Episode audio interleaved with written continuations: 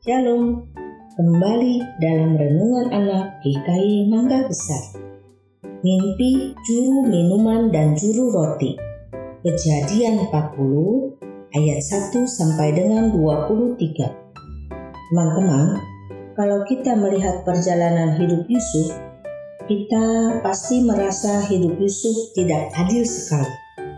Setelah dibuang ke dalam sumur, dijual dan menjadi budak, dan menjadi orang kepercayaan Potifar, kehidupan Yusuf sepertinya sudah lebih membaik. Tetapi akhirnya dia dipenjara. Bukan karena kesalahan yang ia perbuat. Ia dipenjara karena difitnah oleh istri Potifar. Tapi bersyukur, meskipun dipenjara, Yusuf tetap setia melakukan kebenaran dan kebaikan.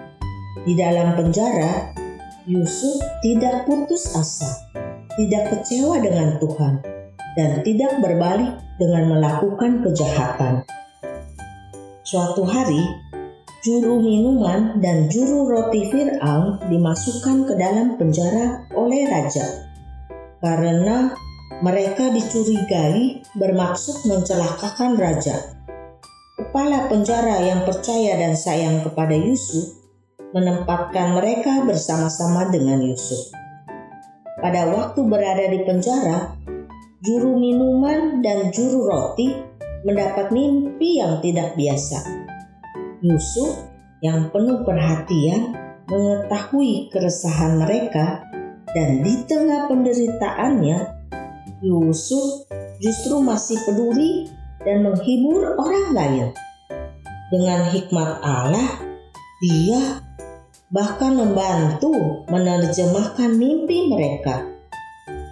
Dijelaskan oleh Yusuf bahwa dalam tiga hari juru minuman akan dibebaskan dan dikembalikan pada jabatannya yang semula. Sedangkan juru roti akan mendapat hukuman mati.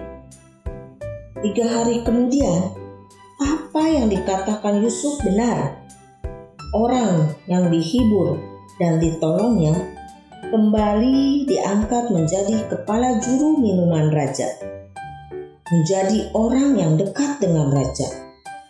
Tetapi juru minuman yang telah berjanji untuk menceritakan tentang Yusuf kepada Firaun, setelah dia dikembalikan kepada jabatan yang semula, ternyata melupakan janjinya.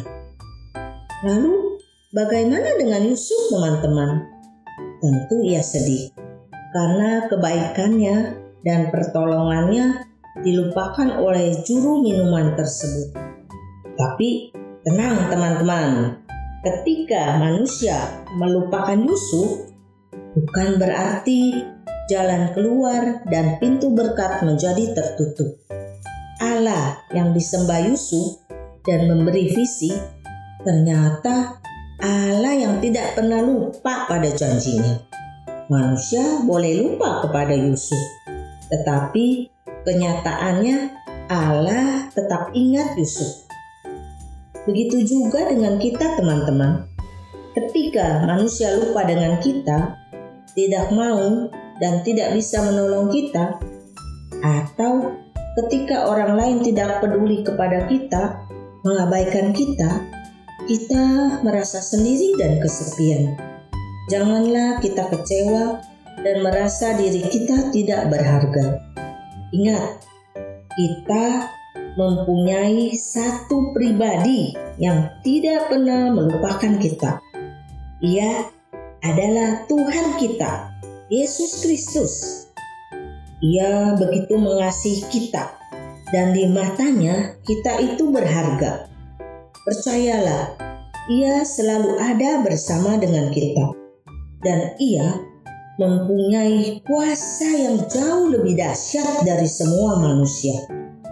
Ia sanggup menolong kita dan memberikan kita kekuatan bagi orang yang tetap berharap kepadanya.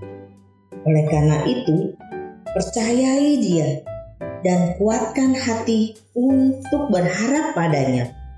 Maka pada waktunya kita akan melihat pekerjaan tangan Tuhan yang luar biasa dalam hidup kita. Amin. Tuhan Yesus memberkati.